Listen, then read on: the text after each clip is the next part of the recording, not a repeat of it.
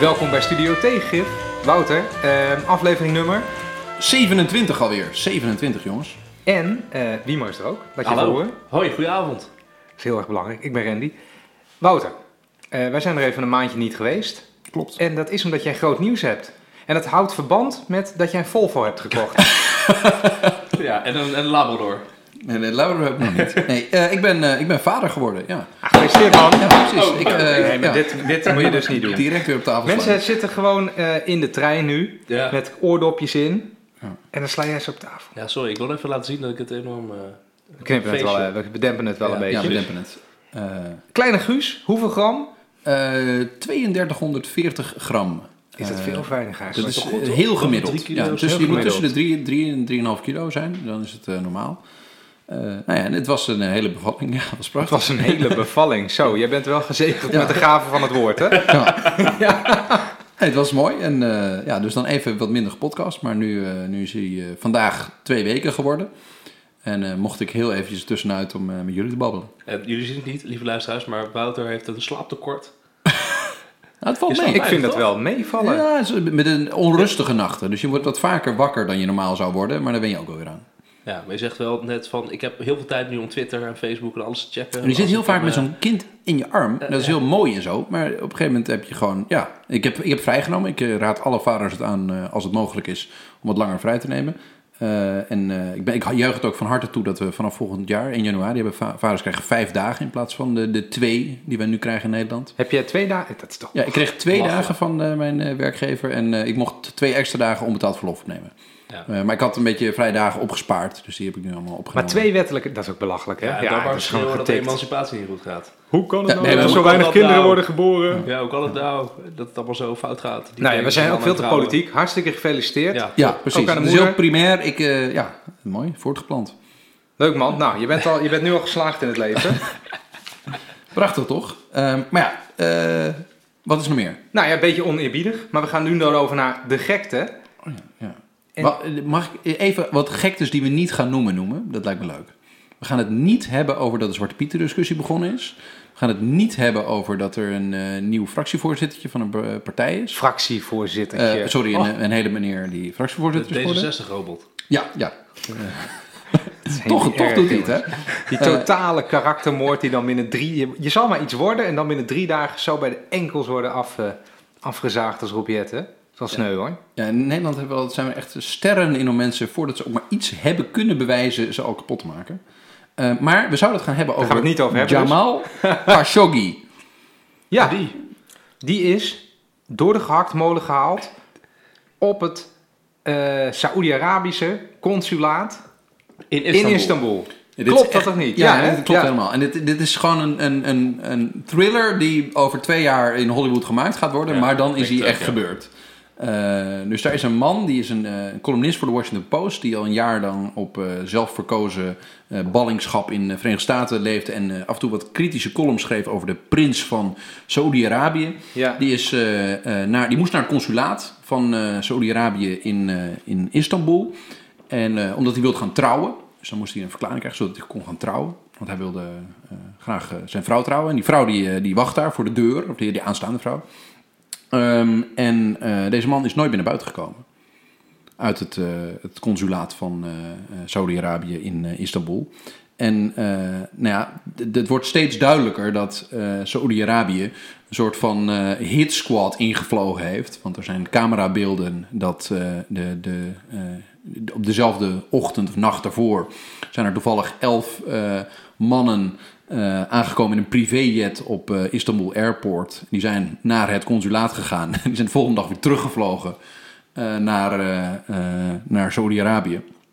Ehm, en ja, het is een hele rare rel die, die allerlei elementen van complete waanzin in zich heeft. Ja, en ik begrijp dat de Turken zeggen, wij hebben er bewijs van op audio en videotape, dat ze die Khashoggi, als ik het zo goed uitspreek, met een botte zaag in stukjes hebben gezaagd. En, dit, en de Saudi-Arabiërs zeggen, ja, het is een ongelukje. Ja, nee, nee, nee, nee ze hebben, hebben tot nu toe nog niks gezegd. Eerst hebben ze gezegd, eh, er is niks aan de hand, we weten er niks vanaf. Ehm, en nu, vannacht, kwam eh, CNN met eh, berichten dat ze uit betrouwbare bronnen hebben gehoord dat Saudi-Arabië zal gaan verklaren dat deze meneer eh, op een, eh, een uit de hand gelopen ondervraging eh, is te komen overlijden. En dat het niet een gecoördineerde actie was eh, waar de staat eh, bij betrokken was. Dit is echt een dit is heel raar iets. verhaal. Want, want je, als je even terugkijkt, die verloofde van hem, die, hebben dus, die heeft dus, eh, toen hij dus die consulaat binnenging, heeft dus een telefoon aan haar afgegeven. Ja. Zo van, houd deze telefoon bij me. En als het te lang duurt, en het was dus om één uur 's middags of zo, eh, dan bel dan de politie. En om één uur is ze naar binnen gelopen, heeft ze dus niks meer gehoord. Om iets over drieën zijn er zes auto's uit die consulaat gereden, weg. Ze denkt dus nu dat daar dus eh, zijn lijken in zat, in ieder geval dat hij erin zat. In stukjes. In een- stukjes. Een arm in de ene auto en een been in de andere Eh, auto. in de tussentijd zijn er nog meer Saoediërs daar in eh, Turkije geland. Zijn ze een Mhm. nog zes. En die, die verloofde heeft er dus, daar beelden van, naar buiten gestaan. Staat daar maar. Bij hun zwarte auto. Die heeft er maar gestaan met die telefoon in de hand. En om middernacht is ze maar, is ze maar gaan bellen.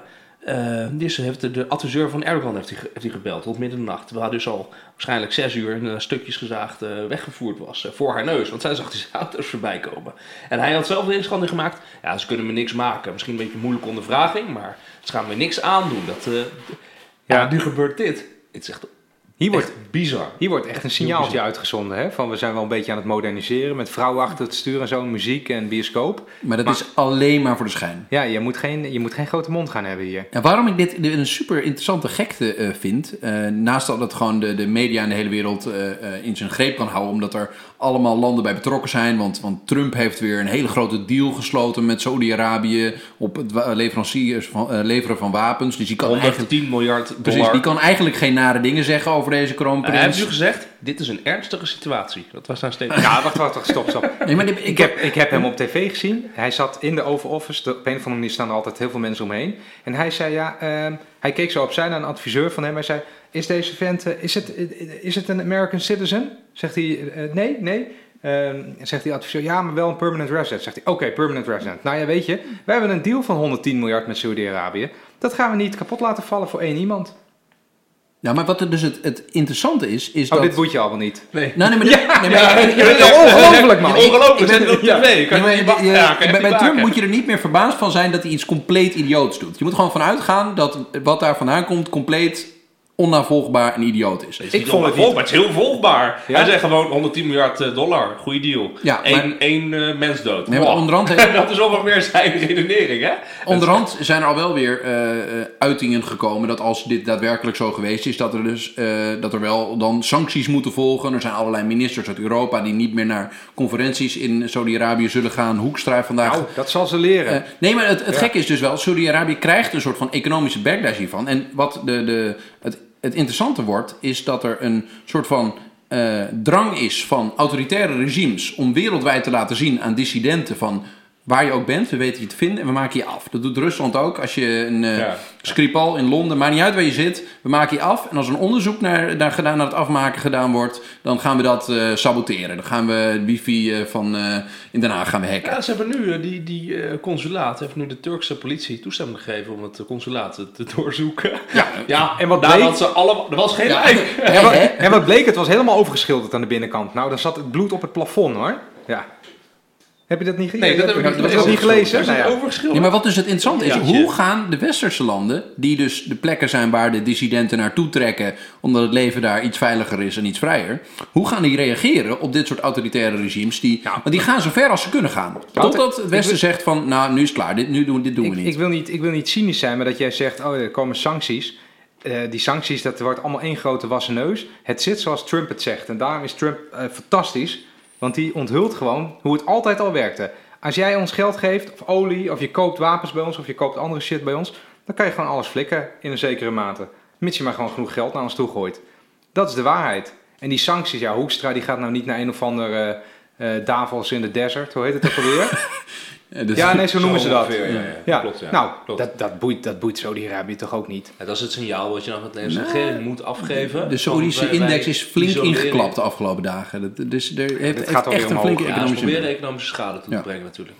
Maar die Saoedi's die weten ook wel van zolang ze eh, geld hebben, olie hebben, eh, Ja. gaan, gaan de grootmachten niet enorm heftige dingen richting Saudi-Arabië En laten we- doen. Laten we heftig eh, hun regime ook is. Laten we even eerlijk zijn. eh, dit is één mannetje. Daar heeft Trump wel gelijk in. Het is één man. Wat Saudi-Arabië in Jemen doet, de Verenigde Naties waarschuwden gisteren dat daar de ergste hongersnood in een eeuw dreigt. waarbij eh 7 tot 10 miljoen mensen van de honger omdreigen te komen. Ja, dat zijn eh 10 miljoen meer dan één mannetje. En dat boeit ook niemand in Nee. Nederland. Ja, ja, ik, geen dit is een horror. Het Ja. klopt. Dit is echt, het, een dit is het helse is. cynische. Maar wat dus interessant is, is of westerse landen zi- vanuit hun bevolking de, meer druk krijgen op de politiek om enige vorm van een moraal te hebben in wat ze doen. Dus niet alleen een soort van politici die hoofden bedrijfsvoering zijn. eh, die mogen zorgen dat het BBP van het land een beetje omhoog gaat. Maar die ook nog zeggen van nou, wij als land vinden het niet fijn als u mensen doodmaakt. Ja, maar uiteindelijk Eh. zijn wij schijnheilig. We doen even alsof het eh, ons iets wat boeit. Ik denk dat dit steeds belangrijker gaat worden. Of de, de leiders in, in de, de, beetje de verstandige wereld ook durven zeggen van... nou, Ja. dit vinden we niet meer cool, hier moet je mee Je ophouden. moet zeker wel signalen van afgeven natuurlijk. Dat Ja, gaat in de Amerika dan? ook doen. Wanneer heeft Nee, Amerika niet, maar, de, maar Europese landen dus wel. Wat Wouter zegt, dat gebeurt dus wel. Ja. Er wordt wel snel afgegeven. Van dit Ja, maar niet, wij zijn altijd al, eh, sancties, nee. Ik, ik wil niet te cynisch zijn, maar wij hebben altijd al gezegd... nou, foei voor je met het vingertje en dan gebeurt er toch ook niks. Nou, dat, de- de- dat de- weet ik je moet Alleen niet- als je zwak klein wat- land ja, maar. Ik denk dat je een raar historisch besef hebt. Dat ook het apartheidsregime, hoe daar ooit een economische druk op is gekomen... doordat alle landen Zuid-Afrika gingen boycotten. Dat als er een collectieve actie van de weldenkende wereld komt om... als de West-Europa zegt, nou, weet je wat, eh, we hebben die olie inderdaad nodig... maar we gaan gewoon voor een bepaalde periode het minder uit Saudi-Arabië halen. Dan hebben die echt een probleem daar in de zandbak. Ja, het probleem wat ze nu zelf hebben begeerd is dat dit een heel duidelijk, zichtbaar horrorverhaal is. Een onmenselijk regime die gewoon een moordsquad ergens instuurt, zeg maar. Ja. En dat is natuurlijk, ja, je had het over de 7 tot 10 miljoen mensen die in Jemen van de honger aan sterven is. Eh, ja, dat, dat doet minder in de hoofden van de westerse bevolking dan minder spannend. dit, Er een horrorverhaal. Dus nu moeten de, de Europese leiders moeten wel reageren. Maar, dat is maar sorry, dat is toch ook hypocriet? Terwijl Saudi-Arabië heeft al duizenden mensen eh, vermoord in Jemen in een oorlog. En dan gaat er één iemand in het consulaat dood en dan Ja, is dat opeens erger. de zichtbaarheid Randy, natuurlijk is het belangrijk. hypocriet, maar dat is logisch. Dat is, Ja. Zo werkt het. Zi- Zichtbaarheid en, en Ik vind gevoel. het wel bijzonder. We zijn een studio tegen 26 aangekomen. 27. 27. En Randy zegt, nou, dit is toch hypocriet? dat had ik nog jou nog wat te Hey, zeggen. maar jongens, we zouden het even bij de gekte houden. Ja. Ehm, want ja, dit is, dit is wel echt gekte. En hier, is- mijn voorspelling is dat we hier nog meer van gaan horen. Ehm, maar we hebben een andere, eh, nou dat is gekte. Eh, we hebben eigenlijk een, een soort nieuwsfeitje. We hebben sinds kort een dokter in ons midden. Ja? Eindelijk wat intelligentie aan tafel. Precies. En ik heb daar zelfs een fantastisch fragment over gezien. Waarin het boek van professor Dr. Bolhuis. door Harry Mens, nee sorry, door Thierry Baudet. aan Harry Mens wordt aangeraden. En dan gaan ze het ook nog even over hebben. Misschien moeten we er Misschien even kunnen we even een klein beetje inleiden. Zondag Ja. in business class. Oké, wat is business class voor programma? Dat niemand dat kijkt dat weer, maar. Jawel. Dat is Nee joh, niemand kijkt dat. Echt wel. Echt er zijn wel. heel veel Ja, mensen die het kijken. Het is een programma van Harry Mens. Waarin hij dus eh, met allerlei zakenlui praat en politici. Alles natuurlijk een beetje van rechts signatuur. Als je daar binnen wil komen moet je ook flink betalen en zo. Het is ook allemaal een beetje, een beetje net te, te. Je zal ook in het, nee, jullie, kunnen, jullie horen het alleen, maar er zitten een hele grote dikke stoelen, leren stoelen en zo. Eh, maar dat is, eh, ja, het is best wel populair. En ik moest me, ik lachte hem kapot toen ik dit eh, terugzag. De Volkskrant, dat zijn jouw vrienden altijd. En, en daar las ik een heel stuk over een boek wat ik op jouw advies gekocht heb. Elke formatie faalt. Ja. Verkiezingsbeloftes die nooit worden waargemaakt. Ja, is een onderzoeker eh, van de Universiteit Leiden, Wiemar Bolhuis. Die heeft eigenlijk gekeken vanaf 1986. Wat wordt nou beloofd in verkiezingstijd en wat gebeurt er na de formatie? En het blijkt steeds weer, en dat, dat, dat is natuurlijk ook iets wat Forum voor Democratie steeds roept... de middenklasse, de belastingbetaler, de, de midden- en kleinbedrijf ondernemer... die verliest, die krijgt elke keer toezeggingen in de verkiezingscampagne... maar die worden niet waargemaakt. En de clubs die winnen, dat zijn de grote georganiseerde lobby's. Dat wil zeggen de multinationals, de zorgverzekeraars en eh, de asielindustrie en andere heel goed georganiseerde lobby's, waardoor je steeds meer immigratie krijgt, terwijl minder immigratie beloofd wordt. Hogere belastingen krijgt, terwijl lagere belastingen beloofd werden. En grote bedrijven steeds cadeautjes krijgen. Je hebt het helemaal gemaakt, Wiemar. Een aanbeveling van Thierry Baudet. Ja. Hoger kan je niet stijgen in dit land. Nee, klopt. Ik Aan Harry Mens, hè, hij zegt. Ja. Harry Mens heeft het boek aangeschaft op aanbeveling van Thierry Baudet. Ja, nou ja, kijk, Jij bent er. Thierry eh, en ik zijn nu allebei Leidse promovendi. Dat is een enorme band. Hij is ook een Leidse Nu zak je toch weer een stukje in mijn Hij is, achting. hij is, Ja. hij is, ik een Wat, leider voor wat dit. ik echt heel mooi vind is dat Hij begint over het boek te praten en alleen zijn eerste zin is ongeveer waar. En dan begint hij af te dwalen en allemaal dingen te roepen die dus niet in de proefstuk staan en niet in het boek staan, maar die wel precies in het eh, po- politiek programma van de, van de Forum voor Democratie passen. Ja. Dus ik word gebruikt als autoriteit om het programma van, van de Forum voor Democratie te staven. Jij bent, jij bent nu het kanonnenvoer van Forum voor Democratie. Kijken, wat zegt hij nou? Ik heb even meegeschreven. Het gaat erover, en dat klopt dan denk ik, dat er een gat zit tussen wat wordt beloofd en wat gebeurt in formaties. De middenklasse verliest. Grote lobby's zoals de multinationals en de zorgverzekeraars. En de asielindustrie, Ja, dat herkende ja. ik niet. Nee, dat herken ik ook niet. Dus, eh, Misschien moeten we beginnen met waar wie maar wel op gepromoveerd is. Ja, ik- vertel, ja, vertel het eens even. Oké, wat ik heb gedaan, ik heb de, de doorgerekende verkiezingsprogramma's door het Centraal Planbureau van 1986 en de doorgerekende regeerakkoorden van 1986 door het Centraal Planbureau heb ik naast elkaar gelegd en dan vergeleken van wat is de overeenkomst tussen die programma's en wat er in de regeerakkoorden komt te staan. Eén op één. Eh, ja, nou ja, je, eh, de, je kijkt naar de programma's van de regeringspartijen en dan kijk je vervolgens, komt dat overeen met wat er in Ja, nee, ik bedoel, van, Ja. en het komt overeen, neem ik aan, toch? Eh, het komt eh, voor een groot gedeelte overeen. Dus Hoe, hoe groot is een groot tot gedeelte? 80%, 70% van de beloftes wordt inderdaad waargemaakt. En 30 tot 20% dus niet. En daar heb ik dus, eh, daar, daar houdt dus het meeste media-aandacht mee. En ook, dan trek je mee dus de, de aandacht van Thierry, dat is duidelijk. even, even voor de En- luisteraars die jouw boekje niet gelezen hebben en niet in de media van gehoord hebben. Dus je hebt gekeken vanaf 1986 naar alle regeringsformaties. ehm, wat de partijen die de regering gevormd hebben beloofd hebben in een verkiezingsprogramma. En hoe de doorrekening daarvan door het CPB is gemaakt van wat dat voor effecten zou hebben. En vervolgens heb je gekeken wat ze dan daadwerkelijk in een regeerakkoord hebben gezet. En wat dat volgens het CPB voor effecten zou hebben. Ja, precies. Dus je, dus je, je, je onderzoekt eigenlijk de partijkeuzes die zij vrijwillig openbaar maken Mhm. eh, in een CPB-publicatie. En waar je dan dus achter komt, is dat er eigenlijk dezelfde soort wetmatigheden altijd zich voordoen in kabinetsformaties. Namelijk dat ten eerste de uitgaven van de overheid altijd behoorlijk veel hoger uitkomen dan dat je zou verwachten op basis van verkiezingsprogramma's. Natuurlijk de partijen elkaar wat gunnen. En dat komt vooral omdat de sociale zekerheidsuitgaven hoger uitkomen, de uitgaven aan de zorg, eh, de uitgaven aan de ambtenaren. Die zijn hoger dan ze vooraf beloofden. Hoger dan dat je zou verwachten op basis van verkiezingsprogramma's. En de uitgaven aan internationale samenwerking. Dat zie je bij de uitgavenkant. En bij de lastenkant, dus inkomstenbelastingen, zie je dat vooral de belastingen voor burgers veel hoger uitkomen of veel minder verlicht worden dan beloofd. Het gaat om miljarden euro's.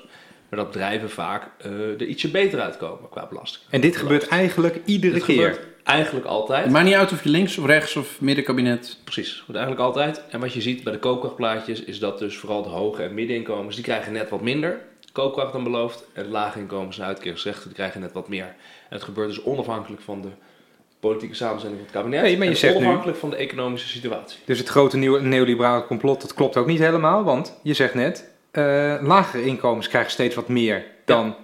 Ja, en vooral uitkeringsrechten. Want er wordt minder bezuinigd op sociale zekerheid dan beloofd. Dan beloofd was. Ja, ja, Oké, de partijen zeggen, joh, we gaan eh, de mensen... Vooral dat al die rechtse eh, voorstellen over we gaan de uitkeringen verlagen of de nullijn zetten of toeslagen afschaffen, die gaan eigenlijk uiteindelijk allemaal eigenlijk niet door. Ah, Eh, en dus dat, dat gebeurt dan nooit.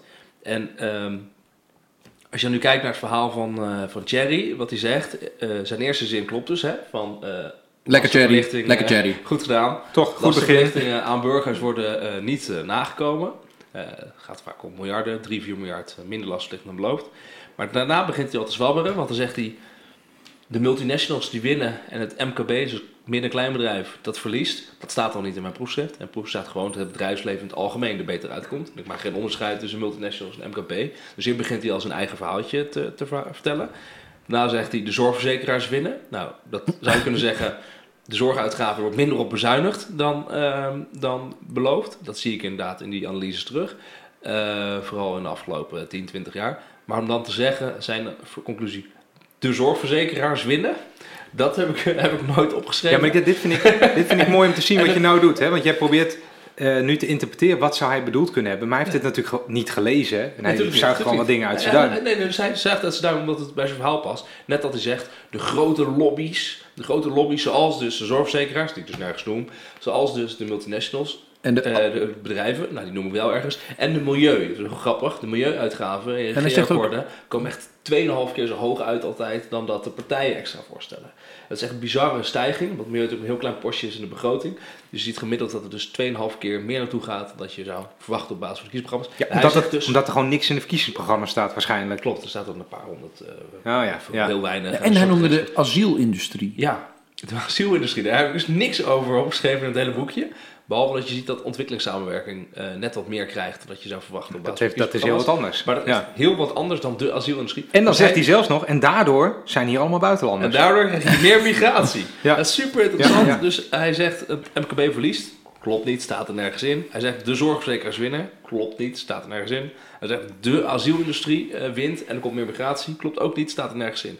Maar ik vind het wel heel fijn dat mijn, eh, dat mijn boek gelezen wordt, blijkbaar. Nee, je ieder hebt het niet gelezen. Het gedeelte, Genoemd. Het gedeelte wat politiek gezien heel erg uitkomt. Want er gebeurde vaker deze week. De Volkskrant, Shaila Sitalsing, die had ook een column geschreven. Die had ook de, de, de, de alle... eh, wat ze, in, wat ze nodig had voor haar verhaal, had ze eruit gehaald. En dat was deze eh, hele afgelopen week zo. Dat, Wat, wat, wat, wat vonden ze erbij. allemaal lekker dan? Wat willen ze allemaal ja, ze horen? vinden natuurlijk allemaal vooral leuk dat ze kunnen zeggen dat het bedrijfsleven altijd er voordelig uitkomt in, eh in regeerakkoorden.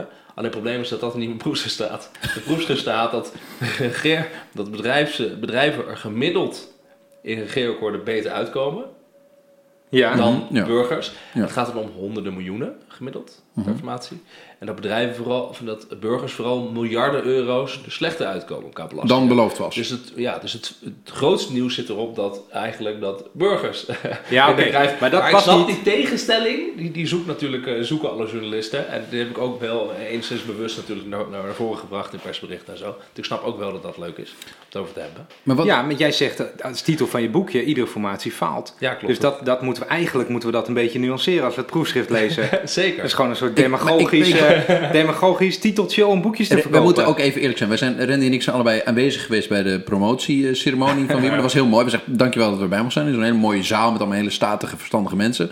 Eh, maar de vragen gingen ook grotendeels over een beetje mediagevoelige ja, eh precies. sexy Helemaal dingen. niet over de proefschrift. Nee, over Fascinerend. Helemaal niet echt over de Fascinerend, een beetje ja. goede meteorologische vragen. Dat, ho maar. Zelfs Koen Teulings, de, soort, de opper-nerd van, van Nederland, Ja. die stelde ook Hoe gewoon zit met vraag die over wat hij in de krant had gelezen. Ja, ja, ja. Mooi, ja man. Heel fascinerend om dat, eh, om dat te zien inderdaad. Hoe dat dan, eh, Ik meende ook, want wij zagen jou op de rug en jij zat daar dus voor een soort tribunaal. Ja. Met allemaal mensen met pakjes aan en zo. ja. Eh, ik, dacht, ik meende jou ook een beetje te zien denken van, nou ja, zijn, die, zijn dit nou de vragen Nou ja, die jullie ik heb hebben? op de Hebben kamer jullie waar het we wel nu zitten, op de kamer waar we nu zitten, heb ik de avond ervoor ik even snel de proefschrift doorlezen, aantekeningen gemaakt. Ik denk, shit, ik moet de cijfers wel weten, want ja, straks stellen ze een vraag.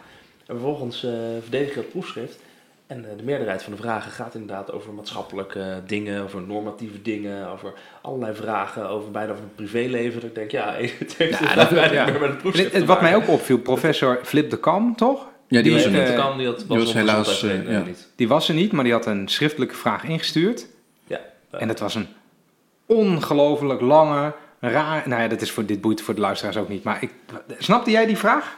Ja, ik snapte die vraag wel. Ja. Het ging gewoon over, de, over in hoeverre de... Die vraag die duurde al 10 minuten. instanties. Ja, maar dat heb je sowieso bij hoogleraar. Als je een vraag stelt, dan eh, hebben ze een hele inleiding erbij. Dat Ik ben wel benieuwd, algemeen met, met de, jou, je hebt er dus je hebt er jarenlang aan zo'n boek gewerkt. Ja. Vind je het dan tof dat er zoveel aandacht in de media voor is? Van, eh, van ja, je, je hebt iets belangrijks opgeschreven, je hebt iets onderzocht wat, wat schijnbaar onderzocht moest worden en wat, wat mensen interessant vinden. Of denk je van, ja jongens, hè, er zit zoveel werk in, doe nou eens een beetje genuanceerd over wat ik eh, heb opgeschreven. Nou, maar je weet dat je moet heel je best doen om het in de media te krijgen. Dus iedereen denkt nu van, je stuurt een persbericht uit en dan eh, wordt het in de media opgenomen. Maar dat, dat is niet wat er gebeurt. Wat er gebeurt is dat je natuurlijk al veel eerder contact legt met journalisten. Dat je de informatie deelt en dat, zij, dat je ze voorbereidt. En daardoor komt het in de media. Dus dat is tof in die zin, want dat betekent al je voorbereidend werk dat effect heeft gehad. En dat je de goede informatie eh, aan de journalisten geeft. Eh, dus het is heel tof om zoveel media-aandacht mee te krijgen. En tegelijkertijd weet je dat, dat je hebt alleen echt invloed op het eerste mediabericht. En daarna- alles wat er na gaat gebeuren, dat gaat alle kanten op. Dat zag je ook. En dan gaat iedereen eruit pakken wat hij wel of niet interessant vond. Dus vooral de NRC had ik nog wel controle over op de dinsdag. En daarna, eh, was het een Dat beetje... is gewoon uh, de fles en los. Ja, ja, vooral als de HP de Tijd en eh, dat soort eh, programma's, eh, bladen erover gaan schrijven en het gaan koppelen aan, eh, Dat is ook weer de Malieveld heeft geen macht meer, de Mali-toren wel of zo. Dat soort... eh, Het lekker. dat werkt heel Oh, lekker, Ja. maar dan... Ja, maar het is ook precies op een, dus, een goed moment, hè? Je hebt nu allemaal van die discussies over de Rutte, die had eh, 16 van die, eh, van die commissarissen bij hem over de vloer. En het, Ja. eh, er is een soort van maatschappelijk debat over: heeft het bedrijfsleven eh, een slechte naam en heeft het bedrijfsleven te veel macht? en dan kom precies. jij met een onderzoek dat bewijst dat vooraf iedereen zegt wat de kiezer wil horen en achteraf doet wat het bedrijfsleven wil doen. Ja, ik- we het een beetje erover hebben. Hoe kan dat dan? Want ik ben, allemaal linkse jongens, hè, dus ik denk ook eh, schande, schande als ik, dat, eh, als ik dat lees en als ik dat hoor. Maar de regering is natuurlijk ook niet gek, hè? Ehm, zou het kunnen dat die, dat die 16 mannen daar dan in dat zwarte busje, 16 mannen ook trouwens, hè? De, de president-commissaris van de, de RVC's werden er geloof ik naar, eh, naar het katshuis gereden. Precies. In een zwart busje, dat was heel kolderiek allemaal. Die zitten daar dan, om een grote mooie tafel of zo. En dan zeggen ze, Mark, ik sta onder gigantische druk van mijn aandeelhouders om dat hoofdkantoor hier weg te halen uit Nederland. Je moet mij nu wat geven. Ik wil hier wel blijven. Mijn loyaliteit aan Nederland is onwankelbaar. Maar ik moet nu belastingverlaging hebben. Anders kan het gewoon niet meer. Ik moet weg dan. Dat, dat, dat, gaat dat zo, denk je? Ja, ik, eh, ik heb echt... eh, Nee, ik denk eigenlijk dat het dat is veel te openbaar. Wat als mij gaat is inderdaad eh, een belletje van een topman. Eh, een keer een diner in de verkiezingscampagne. Een keer even bijpraten tijdens een, eh, tijdens een informeel etentje. Een keer elkaar tegenkomen op een van een benefiet eh, eh, gala. of Ja, zo. nee, oké, zo dat- gaat het. dat ik denk niet dat het gaat. Dat zo'n zo'n bijeenkomst als het Rutte nu doet, zo openbaar, met 16 CEO's en allemaal praten. Ik denk niet dat dat heel veel invloed heeft. op Nee, maar de wat is hun leverage? Kijk, dat ze allemaal elkaar- bij elkaar op schoot zitten, dat, eh, dat is zo. Ja, hun zij hebben altijd macht, wat ze kunnen zeggen. Als wij weggaan, verliezen we werkgelegenheid. Het vestigingsklimaat. Ja. Slecht voor de economische groei, slecht voor de werkgelegenheid. Dat vond ik dus het, een van de meest grappige uitkomsten van dat, mijn onderzoek. En het onderzoek dat dus blijkt dat regeerakkoorden qua economische prestaties iets slechter zijn dan de verkiezingsprogramma's. Dus, Oh, dus er echt? wordt geschoven van, van lastenverlichting burgers. Die gaat dan voor een groot gedeelte niet door. Eh, en bedrijven Mhm. krijgen wel lastenverlichting die beloofd was. Maar de verkiezingsprogramma's hebben net iets minder, de regeerakkoorden die eruit volgen, hebben net iets minder economische groei gemiddeld. Hebben net iets minder eh, hoge, meer werkloosheid dan. Oh, dus, dan eh, voor- de- dan je wil zeggen dat als het... Hebben slechter overheidsfinanciën dan de verkiezingsprogramma's. Dus je verdeelt zeg maar van. Hè, als je van verkiezingsprogramma naar regeerakkoord gaat, zeg je van oké, ietsje minder voor de burger. Of nee, nou, miljarden minder voor de burger als het gaat om lastenverlichting. En we geven toch een kleine lastenverlichting aan bedrijfsleven. En niet de lastenverhoging die was afgesproken. En het gevolg daarvan is dat de economische prestaties helemaal niet beter zijn. Terwijl dat het verhaal is altijd, hè? Je Ja, moet ons ja. iets geven, want anders is het vestigingsklimaat De koek slecht. moet groter worden. Slecht voor de economie, slecht voor de economische koek, slecht voor de werkgelegenheid, slecht Maar voor... Bev, maar ik, dat- ik dat- dacht direct bij is jouw dus een- promotie, dit is toch super logisch? Dit is nogal wiedis, wiedis toch? Dat, dat denkt hopelijk ook veel luisteraars. Dat burgers stemmen, dus je vertelt ze voor, voor de verkiezingen wat ze willen horen, namelijk dat je ze gaat matsen. En daarna hebben burgers gestemd. Dan moet iedereen zijn best doen om invloed uit te oefenen op de mensen die we de macht hebben gegeven. En bedrijven zijn beter om invloed uit te oefenen op die mensen die de macht hebben gegeven. Dus gebeuren er dingetjes die voor hen eh, wel prettig zijn. Dat, Ja, klopt nee, dat, wat dat, tuurlijk, dat, je dat hebt aan de hand theorieën. is? Dus je hebt theorieën over politieke economie. Dat politieke partijen proberen zoveel mogelijk stemmen te halen voor de verkiezingen. Nou, dan ga je dus zeggen, we gaan vooral aan burgers enorme lastenverlichtingen bieden. Het ziet er goed uit in de koopkrachtplaatje, ziet er goed uit in de werkgelegenheidsscores. En dan na de verkiezingen, dan spelen andere overwegingen. Dus dat is een theorie die precies aansluit wat je zegt. Andere theorieën gaan over agendamacht en over agenderen en over lobby, de invloed van lobby. Nou, dan weet je dat het georganiseerde bedrijfsleven in Nederland eh, meer lobbymacht heeft inderdaad dan, eh, dan, dan de burger. Want ja, wie lobbyt er voor de burger? Zo eindig ik mijn proefschrift eh, ook met die vraag. Eh, dus het zijn allemaal logische theorieën die dus ook verklaren, al weet ik niet welke het sterkste is, die verklaren waarom je zulke uitkomsten eh, ziet in mijn proefschrift. Alleen wat ik vooral fascinerend vind, is dat het verhaal dat je zegt van wij doen die schuif van burgers naar bedrijfsleven, want dat is goed voor het vestigingsklimaat. Want Oh, dat, dat- leidt tot dat betere economische groei. Want dat leidt tot meer eh, werkgelegenheid. Want dat leidt tot betere overheidsfinanciën. Dat dat gewoon niet waar blijkt te zijn als je naar mijn, eh, als je de dataset eh, analyseert. En dat, dat, voor, dat, dat die mythe zo eh, zwaar weegt. Want ik heb heel veel me- mensen gehad die me benaderden. Van ja, je bent een valse tegenstelling tussen burgers en bedrijven aan het maken. Want ja, extra geld voor het bedrijfsleven leidt toch tot meer werkgelegenheid. Is nou maar goed voor de burger. Die mail je allemaal terug. Hoe, bewijs je dat? Ja, ja, precies. Want dat is de eerste vraag die je, de eerste kritiek die je krijgt van, van, van eh, mensen die, die het niet eens zijn met je uitkomsten. En ook de eerste vraag die ik krijg van journalisten. Ja, maar zo'n logische bedrijf, dat is goed voor werkgelegenheid. Dat is goed voor Dit is op zich ook en, wat, en- wat, wat maar ik het blijkt dus niet zo te zijn. En toch denken we het allemaal weer. En ik weet, als ik volgende week ergens een praatje ga houden, krijg ik meteen weer die vraag. Ja, maar dit is toch goed voor Ja, maar de dat, dat is het grote beeld. Dus Lastenverlichting voor het bedrijfsleven is goed. Je ziet het nu bij de hele discussie over de dividendbelasting, de 1,9 miljard. En die moet weer ingevuld worden in een andere lastenverlichting voor het bedrijfsleven. Waarvan het overigens 100% zeker is dat dat beter is voor de economie. En beter is voor de werkgelegenheid dan die eerdere afschaffing van dividendbelasting. Nou, mag ik even, even als intermezzo. Ja, Ik heb, even, de, even Randy. ik, heb de, ik heb de brief van eh, staatssecretaris Menno Snel gelezen. En dan staat daarin de afschaffing van de dividendbelasting.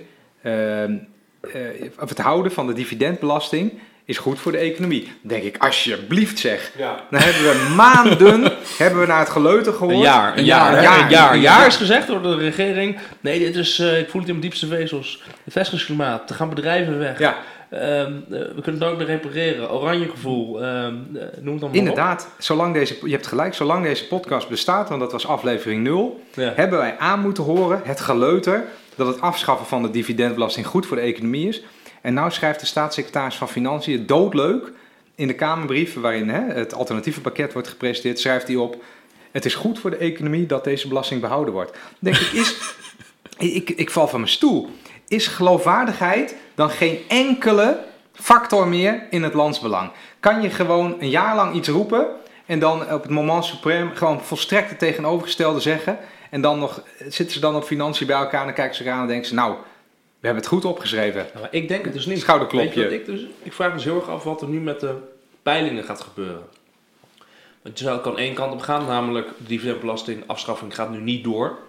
Dus dan gaan de VVD, het D66, CDA, ChristenUnie gaan stijgen, de peilingen. Want die hebben dat onzalige plan toch niet doorgezet. Jeetje, gaan we wel goed zorgen nu voor het vestigingsklimaat. En ook Dat voor zou MKB, heel cynisch zijn. En ook voor de expats.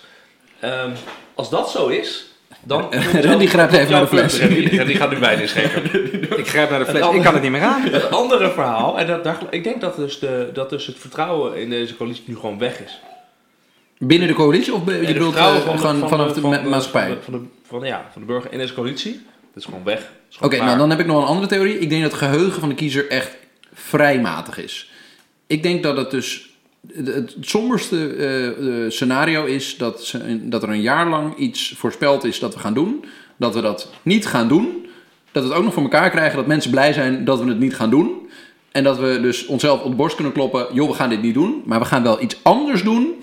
Eh, waar de progressieve partijen ook allemaal tegen zouden zijn. Maar die durven niet meer zo hard op de trom te slaan. Want die zijn al lang blij dat ze de, de grootste ellende van de dividendbelasting hebben kunnen, tegenhouden. En dan is het uiteindelijk lekker gedaan. Nou, ik denk dat, ik denk dat je gelijk hebt, want ehm, als ik Jesse Klaver zie, zelfbenoemd leider van de oppositie, dan, eh, dan, dan kraait hij victorie inderdaad.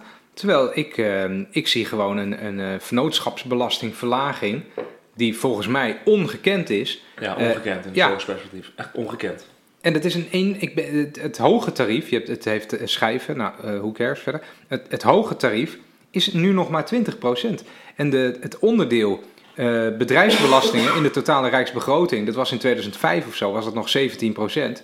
Dat is nu nog maar 7,5%. Dus dat betekent dat een steeds groter deel van de belastingen wordt door eh, mensen, burgers opgebracht. Arbeid. Arbeid, de factor arbeid. Ja, dit blijft een linkse podcast, hè? En een steeds groter deel, eh, een steeds kleiner deel door de factor kapitaal. Ja, En dat past dan wel naadloos in het proefschrift. Ja. Dat is natuurlijk, dat is natuurlijk gewoon wel wat je ziet. Wie, toch, toch wel een goed verhaal. Ja, dus. Ja, maar wie maar ik, ik wil je nog wel een andere vraag stellen, Wiemar, eh, over jouw proefschrift. Word je daar niet ook een beetje somber van? Of, of is er iets wat we kunnen doen? Is er iets, nou, Nou ja, dat- nu je- steun geven, is er iets wat we kunnen doen? Nee, maar ja, we zien dus gewoon keer op keer dat, er, dat de- dit soort zaken... ehm, de eh, pistolen uit het vet. ja, precies. Moeten we de, de hooivork uit de kast halen? Ja, Ehm, maar boekenbon, cadeau- cadeaubon. nee, nee, nee, ik- ik vraag me werkelijk af, is dit een soort wetmatigheid Ja, waar we in, eh, waar we in eh, verstrikt zijn geraakt met onze In ieder politici? geval de afgelopen 30 jaar is er wetmatigheid. En zijn onze politici dan echt gewoon alleen maar... eh, Ja, Ja, maar zoals, ik denk dat het op een bepaald moment... Kijk, nog steeds 70 tot 80 procent van de kiesbeloftes wordt waargemaakt. Dus dat is natuurlijk gewoon hoopgevend nieuws, ook internationaal gezien. Zeg Ja. maar. En we, maken, we snijden geen columnisten in, hoop, in reepjes. Ja, precies. Maar op een bepaald moment zal er toch wel, denk ik, ook wel een kentering komen. Van, Ja, joh, waarom gaat dan? te ver. Dat is gewoon wens, dat is gewoon magisch denken. Ja, zeker, dat is wensdenken. Ja. Dat is gewoon politiek wensdenken, van mijn kant. 100%. Ja, ik Maar- dat gevoel Mag heb ik ook even, ik heb, ik heb hier niet eh, 18 jaar op gestudeerd zoals jij. Ja. Mag ik één theorie erin gooien waarom dit, hè, waarom dit gebeurt? Waarom bedrijven dus steeds minder belasting gaan betalen?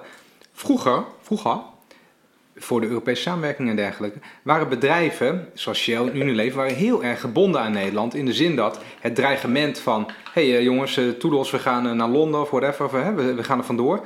Dat was helemaal niet geloofwaardig, want de Nederlandse overheid had aandelen in dat soort bedrijven. Dat soort bedrijven waren op allerlei wettelijke manieren gebonden aan Nederland. Nou, toen kwam Europese samenwerking en eh, die reeks Europese verdragen. En daar staat in, nee, dat mag helemaal niet. Overheden mogen zich niet bemoeien met eh, waar bedrijven gevestigd zijn. Overheden mogen geen beperkende belemmeringen opleggen aan de mobiliteit van kapitaal en aan het vermogen van bedrijven om zich te verhuizen. Met het gevolg dat eh, bedrijven die hebben dit, speelveld van Europese landen voor zich met al die lidstaten. En die zeggen, hé hey jongens, eh, misschien gaan wij wel ergens anders heen. We zijn er heel serieus over na aan het denken. Dus verlaag je belastingen maar even, anders gaan we. Dus iedere keer, iedere ronde opnieuw. En jij zegt 80, 70, 80 procent wordt waargemaakt. De rest dus niet. En in dat resterende deel... eh, Zet die bedrijven goed. Ja. ja, en die zeggen dus iedere keer kan er nog een klein stukje af. Ik vind het wel een interessante theorie. En daar eigenlijk op aansluiten is het zo dus dat arbeid is gebonden aan een land, waar je mag stemmen. En kapitaal is niet gebonden aan een land en kan een peren. Dus is er concurrentie tussen bedrijven die met hun kapitaal overal heen kunnen gaan waar ze maar willen. En de burgertjes die gaan niet zomaar weg, want dan, dat is toch wat ingewikkelder voor de burgers. Dus de politici vertellen voor de verkiezingen wat de burgers die gebonden zijn aan het land willen horen. En vervolgens gaan ze in concurrentie met andere landen om het kapitaal te houden waar ze het zouden willen hebben. Ja. Ja? ja, dat is het verhaal dus. Met het verhaal dus, kapitaal is mobiel, arbeid niet. We moeten lage belastingen geven, want dat is goed voor vestigingsklimaat, want dat levert economische groei op, meer werkgelegenheid op. Ja, Dat anders is smeren ze, dus gaan ze gewoon weg. Ja. maar dat wordt dus gezegd. Maar de vraag is dus of het ook echt gebeurt. Ja, dat- dat, is, ja, dat- is, dat is het verhaal. Hè? Maar ik vraag me dus echt wel af of eh, hoeveel waarheid daar echt in zit. Dat betwijfel ik enorm. Dat, dat bedrijven daadwerkelijk ook besluiten van eh, ja, Toeledoki, eh, we gaan lekker in Roemenië zitten. Ja. Ja, lastig. Je hebt heel veel onderzoeken dat bedrijven eh, dat dus niet doen. Dat ze zijn, nou, bijvoorbeeld dat Unilever nu niet naar Nederland komt, heeft echt niks te maken met de fiscale regelingen. Heeft vooral iets te maken met, oh ja, Engeland, komen vandaan. Ja, het, zijn ook Oh heel- nee, dat- maar dit, dit is zo, sorry, dit is zo naïef. Dat Ja? heeft te maken met de beschermingsconstructies Ja, die toch in de Nederlandse gezegd, wet eh, nog staan. Dat klopt. Dat klopt En voor de luisteraar dat het dus lastiger is om een Nederlands bedrijf eh, vijandig over te nemen. Mhm. Daarom zijn Nederlandse aandelen ook minder waard. Dat noemen ze de Dutch discount. Oh, Nu wordt het echt... Nou, Oh, wordt iedereen ik af, hè? Ik zou Ja. nemen, wat, nee, wat ik dan wel even even- vragen is, denken jullie niet dat er op een gegeven moment de factor, want er is maar een bepaalde mate waarin je dit kan doen. Er is ook een reden waarom dit altijd stapsgewijs gebeurt. Er is de, stapsgewijs worden de belastingen die in de richting van kapitaal geheven worden, worden steeds lager. En stapsgewijs worden de belastingen op, op, eh, op arbeid worden steeds hoger. Dat gaat niet. Eh, er zijn geen partijen die roepen van, jongens, volgende na de verkiezingen, wij doen er 20% af en de burgers, hup, 20% erbij. Dat doet niemand. Het gaat allemaal stapsgewijs, langzaam, Ja. langzaam, Nee, langzaam. dat Maar wel. denk, Dat is met die mensen- schreden? Ja, enorm. Die wil niet weten maar hoeveel het- miljarden het bedragen gebeurt allemaal heel langzaam. Denk je niet dat er een punt Nee, in de is dat- regeerakkoorden, dat, maar in de verkiezingsprogramma's wordt gezegd dat er enorme bedragen verschoven worden. In de regeerakkoorden is het volgens heel minimaal, extreem minimaal. Ehm, ehm, maar eh, elke keer winnen dus de bedrijven, vaak winnen de bedrijven wel iets. Maar die beloftes worden wel gedaan. Maar denk je, mijn, vraag was eigenlijk, denk je niet dat er een punt is dat eh, mensen, eh, de- eigenlijk wat jij in je proefschrift aantoont, van eh, wanneer er een regeerakkoord gesloten is, eh, bent u wat meer de klos en is, eh, zijn de aandeelhouders eh, van welk bedrijf dan ook zijn iets minder de klos dan beloofd was, dat mensen dat op een gegeven moment niet meer zo goed pikken, omdat politici van de andere kant van het spectrum hier een verhaal mee gaan bouwen. Ja, maar is het dat niet een beetje het verhaal van de kokende kikker? Dat het gebeurt zo geleidelijk. Het is al 30 jaar aan de hand. Ehm, en nu, is dat, nu ja, zijn de opbrengsten van bedrijfsbelastingen nog 7%. Ja, op een gegeven moment is het gewoon nul. Eh, ja. Mag ik een andere... Jij zegt de, de belasting op bedrijf gaat omlaag, de belasting op arbeid gaat omhoog. Eentje die vaak wordt vergeten en die ook eh, nu gebeurt, is de belasting, de BTW. De belasting op producten. Ook netjes omhoog. De Laten we Unilever even erbij halen. Unilever maakt kaas en boter en zo, dat soort, dat soort spul. Ehm, die zaten in het lage btw-tarief, nog steeds. En dat was 6% en dat wordt 9% belasting. Dus je zou kunnen zeggen, nou, bedrijven als Unilever betalen steeds minder belasting over hun, eh, ehm, eh, over hun winst. Maar hun producten worden steeds zwaarder belast in de winkel. Dus uiteindelijk moet het toch uit de lengte of de breedte komen. En dan wordt het op een andere manier geheven. Zou je best wel kunnen stellen zo op die manier. Ja. En nominaal betaalt de consument die BTW. Maar eigenlijk doet dat iets met de prijs van een product natuurlijk als de belasting erop hoger wordt. Dus misschien eh, betaalt Unilever hem alsnog wel. Doordat ze lagere prijzen moeten, moeten vragen voor hun boter. Ja. Ik, ik ben het je eens. Ik denk dat het heel economisch wordt voor de luisteraar. Ja, Zal ik een, ik, zal ik een andere Erg, proberen? hè? Onze Sorry, valkuil. sorry. Ja, je hebt gelijk. Ik haakte probeer zelf ook een beetje af. eh, Ja, ja, je moest ineens... Ja, waar staat de BTW voor? Weet Ja. je mensen niet? Leg eens uit. Ik weet het ook niet. Nee. Belasting toegevoegde waarde. Eh hey, vraagje. Wie vond het eigenlijk deze week de week van de begrotingsregels? Dat is een suggestieve vraag. Nou, ik vond dit de Ja, ja, de het was net te economisch, hè? Laten we het even over de begrotingsregels Het, eh, hebben. profe- Ja, ja, ja. professor Bolhuis gaat het over Nee, de nee, nee. begrotingsregels. Maar dit was toch... eh, Oké, wat er allemaal gebeurde deze week was Ik ben de dus- enige niet-econoom hier aan tafel. Wat zijn begrotingsregels, Wiemar? Het zijn regels over hoe je omgaat met de begroting. En vooral als ze Begroting van wijzigen. De begroting van de Rijksoverheid en ook van de verschillende ministeries die eronder hangen. Eh, en ook dus van de inkomsten van de begroting. Je hebt uitgaven, je hebt inkomsten van de begroting. En hoe ga je ermee om als daar wijzigingen in optreden onverwachts? Als je bijvoorbeeld Eh, een dividendbelasting niet afschaft. Bijvoorbeeld, dus elke regering die eh, heeft bijgevoegd bij het regeerakkoord eh, begrotingsregels die afgesproken worden. En bij dan het, wat ze dan noemen, het eerste ministerraad, het constituerend beraad, moeten alle bewindspersonen moeten die begrotingsregels tekenen. Dat ze zich eraan gaan houden. Dat betekent dat de minister van Financiën, Moeten ze ook allemaal tekenen? Dat wist ik niet. de minister van Financiën, dat zit in het totaalpakket. Minister van Financiën die eh, eh, heeft dan dus eh, de begrotingsregels om te handhaven, zodat hij iedereen er, eronder kan houden, zeg maar, aan de ministersploegen. En ehm, wat er dus interessant aan is, is dat je deze week dus zag, nadat was afgesproken dat de 1,9 miljard van de dividendbelasting afschaffing dat niet doorging, dat toen ineens werd geroepen, het is belangrijk dat we ons aan de begrotingsregels houden. Ja, zelfs de premier zei dat. De premier zei dat, heeft het bijna nooit zeg maar, hij zei dat. Schande. Gert-Jan Zegers ook, we moeten ze aan de begrotingsregels houden. Pechtold heeft het ook nog een keer gezegd, we moeten ze aan de begrotingsregels houden.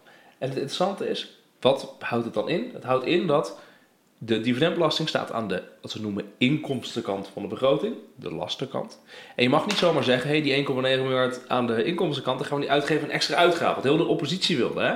Eh, die wilde juist geld naar zorg, die wilde extra geld onderwijs, want er was een crisis in de publieke sector volgens eh, Jesse Klaver en volgens eh, alle andere partijen. waren ook allerlei dingen te doen in de, in de, in de, aan de uitgavenkant van de publieke sector. Maar ineens waren daar de begrotingsregels die gehandhaafd moesten worden. En Hoekstra zei het ook de hele tijd. En waarom was dat? Natuurlijk alleen maar omdat gewoon de VVD heel graag wilde, en het CDA waarschijnlijk ook, Dat- dat, die 1,9 miljard gewoon in lastenverlichting Maar nu weet ik niet maar worden. dat jij toevallig econoom bent en bij het ministerie van Financiën hebt gewerkt. Ehm, en klopt dit? Hoe die klopt. Dat ze aan die begrotingsregels zich moeten houden? Nee, dat is een politieke keuze.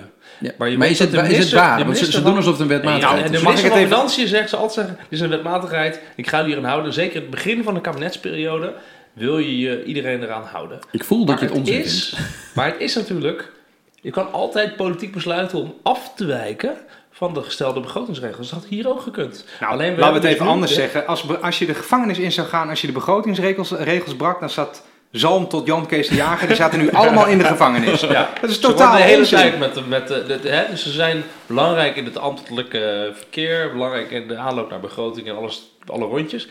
Maar ze worden ook zeker wel gebruikt. Denken jullie niet, als extra geld dat is. even, ik, ik denk jullie niet dat het een vrij realistisch verhaal is om te zeggen dat eh, nu Rutte, na, zoals wij trouwens een jaar geleden al voorspeld hebben, ehm, eh, heel lang gedoe in de samenleving gezegd: oké, we schaffen die dividendbelasting niet af. Dat hij er gezegd heeft: ja, maar beste coalitiegenoten, we doen dit alleen als ik het wel mag eh, eh, sch- schuiven naar bijvoorbeeld een verlaging van de vennootschapsbelasting. Ja, ja. Ehm, eh, en we gaan niet eh, al die progressieve geintjes En uithalen. Rutte heeft gezegd, dit was de dividendbelasting stond in het hoekje van het vestigingsklimaat in het regeerakkoord. Dus die 1,9 eh, miljard, die moeten we gewoon eh in lastverlichting bedrijfsleven voor het vestigingsklimaat blijven stoppen.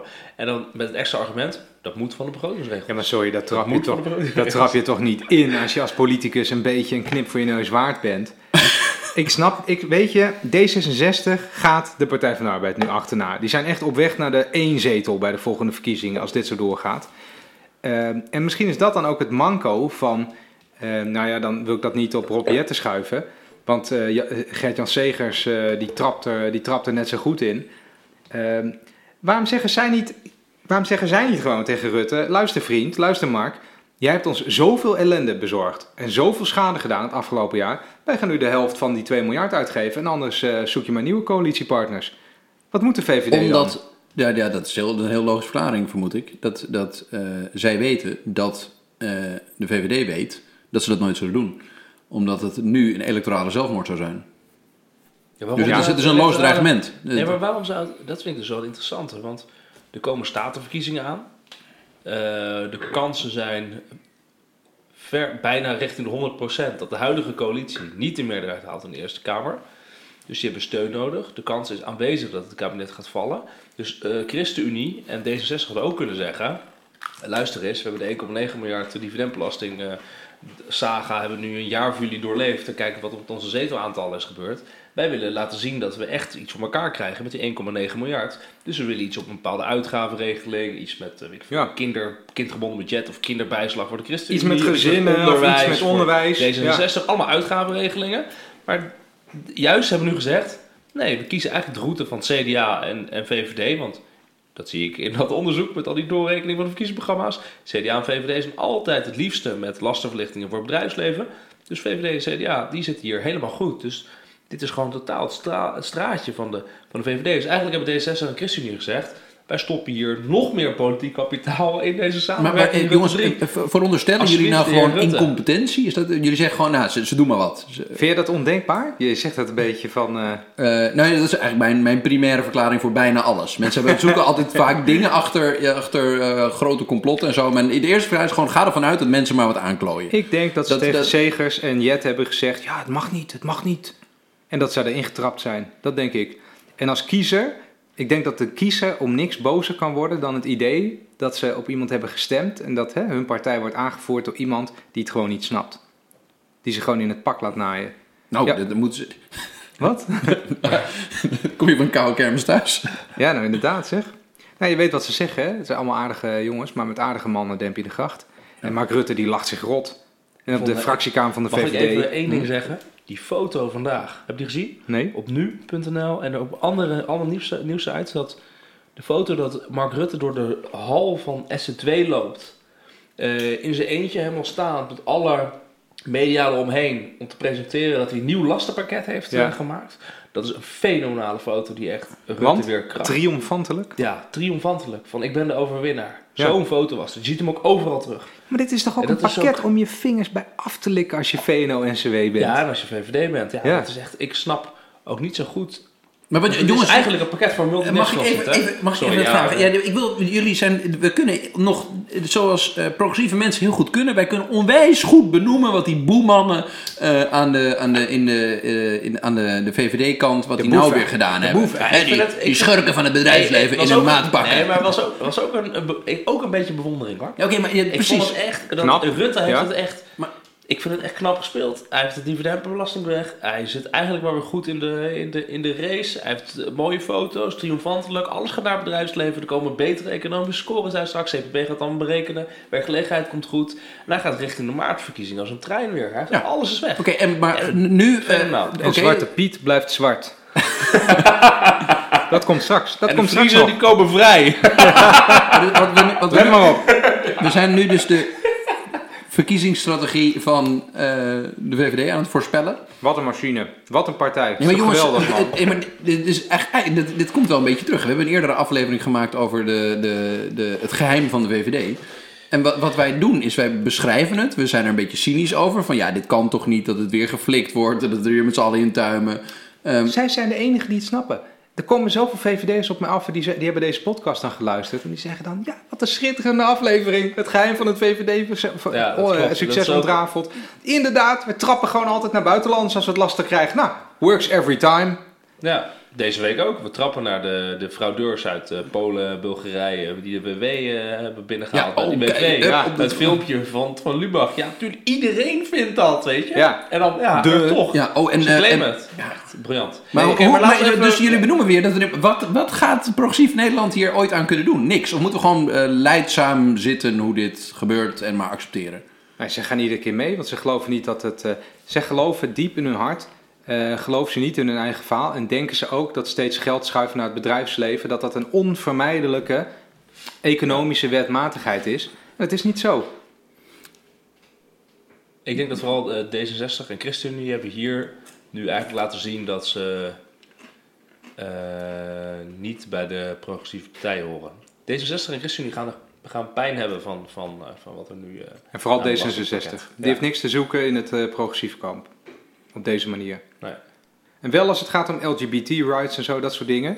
Maar niet als het gaat om dingen die er in economische zin wezenlijk toe doen. Maar als ik jullie goed begrijp, dan zou er op de eh, progressieve kant van het spectrum, wat betreft economische zaken, een immense kans liggen. Ja. Door gewoon glashard te gaan eh, op, de tam, op de trommel gaan, te gaan slaan over wat er keer op keer gebeurt rondom eh, lastenverlichting voor burgers die eh, niet plaatsvindt, eh, btw-verhoging, belasting op arbeid die omhoog gaat, belastingverlaging die binnen vennootschapsbelasting doorgevoerd wordt. De, de, de, de voorbeelden zijn eigenlijk te, te, te talrijk om ze niet allemaal aan te grijpen eh, eh, voor de, de economisch progressieve partijen. En je niet te laten misleiden door allemaal kletskoek over Zwarte Piet of, of over eh, andere identiteitslulkoek. ja.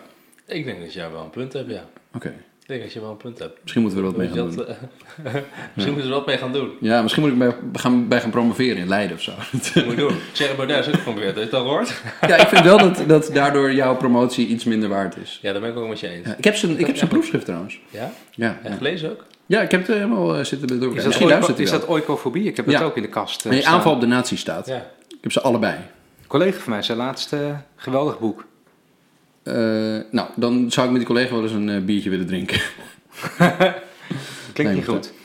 Ehm, volgens mij zijn we er ongeveer. Ja? Of, eh, we nog- ja? Dan moeten we nog even zeggen, bedankt voor het luisteren en zo. Eh, ja, we Luisteren. Ligt jouw boek, ligt, hè? ligt jouw boek al in de ja, winkel? oh, ja, elke formatie boek Elke formatie fout ligt in de winkel. Het is iets meer dan 100 pagina's. Wat kost het? zeer, Zeer leesbaar Lekker dun? Het is heel dun, eh, expres bewust om het uh, de publieksvriendelijk te maken. Het kost maar een tientje, ik verdien er ook helemaal niks aan. Ongelooflijk. Het zit Vind je er echt eh, niks aan? Nee, en er zit bij, dus, bij Brooklyn, dat is ook die uitgeverij waar nu eh, Maarten Biesheuvel met zijn gekke, gekkenhuis verhaal. Die bij de Nooit van Wereld- gehoord. Nee. Nou ja, Dat die, kijk ik die, niet de die wereld. En eh, ik zou zeggen, eh, ga het vooral kopen. En eh, op het moment dat je klachten hebt over het boek, dan eh, kan je Wouter bellen. Klachten. Nee, dat is een geweldig boek. Nee, Kopen, ja, nou, mensen die het goed lezen, ik goed zou dat echt ik uh, werd toejuichen. door Fantastisch. totaal onbekende mensen gebeld. Geweld. Ja, die mijn boek hadden gelezen. Echt letterlijk. En zeiden, van, nou, laten we afspreken. Ik ben heel benieuwd.